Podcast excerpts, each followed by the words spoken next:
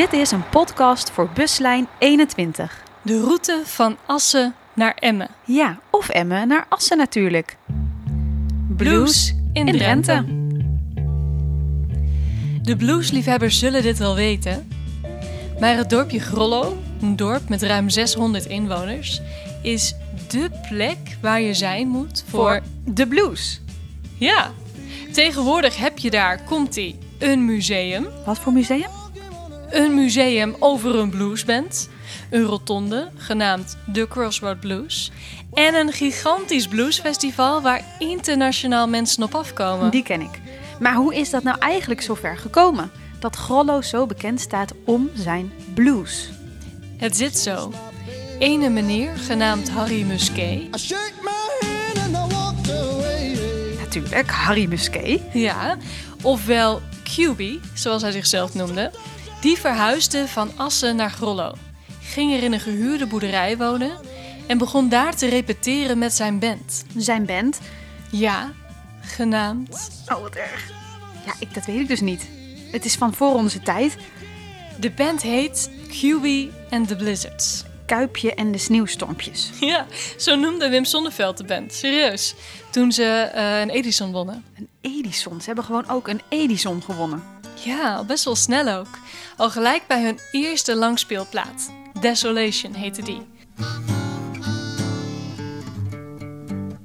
I've been so desolate for a long, long time. Naast Musquet zaten ook gitarist Ilko Gelling, Willy Middel, Hans Waterman en Hans Kins in de band.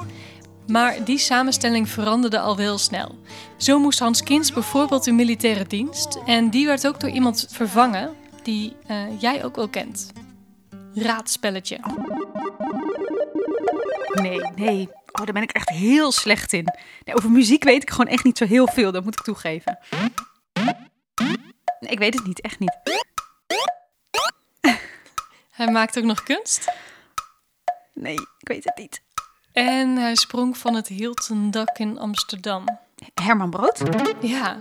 ja, die was toen nog niet zo bekend. En met dit nieuwe bandlid werd de LP Groeten in Grollo opgenomen. Het boerderijtje van Musquet werd niet alleen gebruikt als woonplek, maar bleek de ideale oefenruimte voor de band. Ze maakten de single Another Day, Another Road en dat werd een bescheiden hit.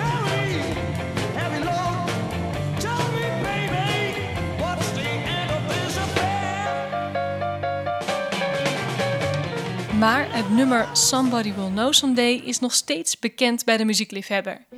Musquet zingt hierin over zijn liefdesverdriet na het stuklopen van een relatie. Deze LP is nog steeds een klassieker in de Nederlandse popgeschiedenis. In dat dorpje Grollo werden dus hits gemaakt. Zeker. Somebody will know someday. Will know why, why you out on me. Het waren ook geen kleine jongens. Ze toerden in de jaren 67 en 68 met artiesten als Van Morrison, John Mayall, Eddie Boyd en Alexis Corner. Nou, dat deden ze goed, maar die Herman Brood, die had toch eh, drugsproblemen? Best wel. Ja, zeker. Wat wil je zeggen? Ging dat dan wel samen met de rest van de band? Of, of was iedereen aan de drugs? Hmm, dat laatste weet ik niet. Ik weet wel dat Herman Brood precies in die jaren naar de gevangenis moest. Vanwege drugsbezit. Oké, dus dat zorgde wel voor problemen met de band. Ja, hij viel echt even weg.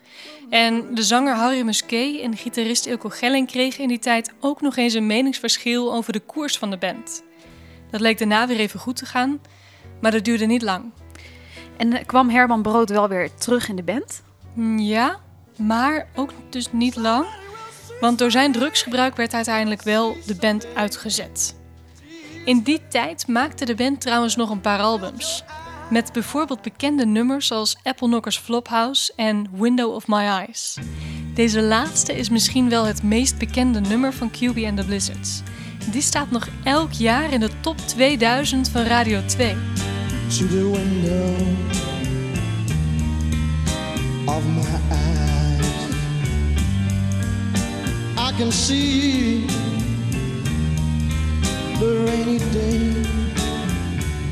Oh, wauw.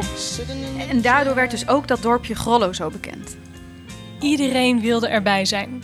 De band was onder artiesten, kunstenaars en bekende Nederlanders immens populair. Iedereen wilde een deel van het succes.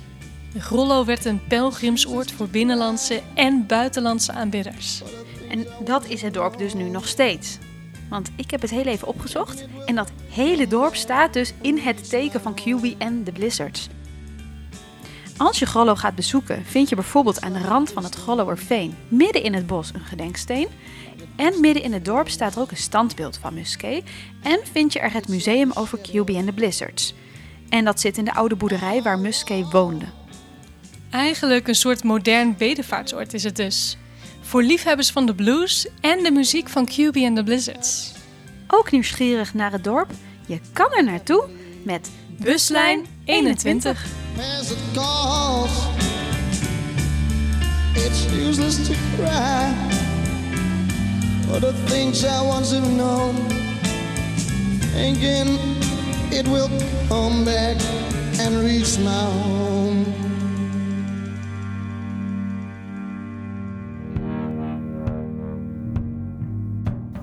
Wil je meer horen? Op Spotify zijn alle afleveringen van deze buslijn te vinden.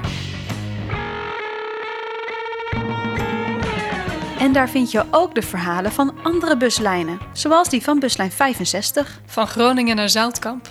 We maakten dit luisterverhaal in opdracht van Qbus. De verhalen zijn geschreven door Riek Klauke en bewerkt en ingesproken door ons Theaterdocent Annelieke Knol en radiomaker Marjolein Knol.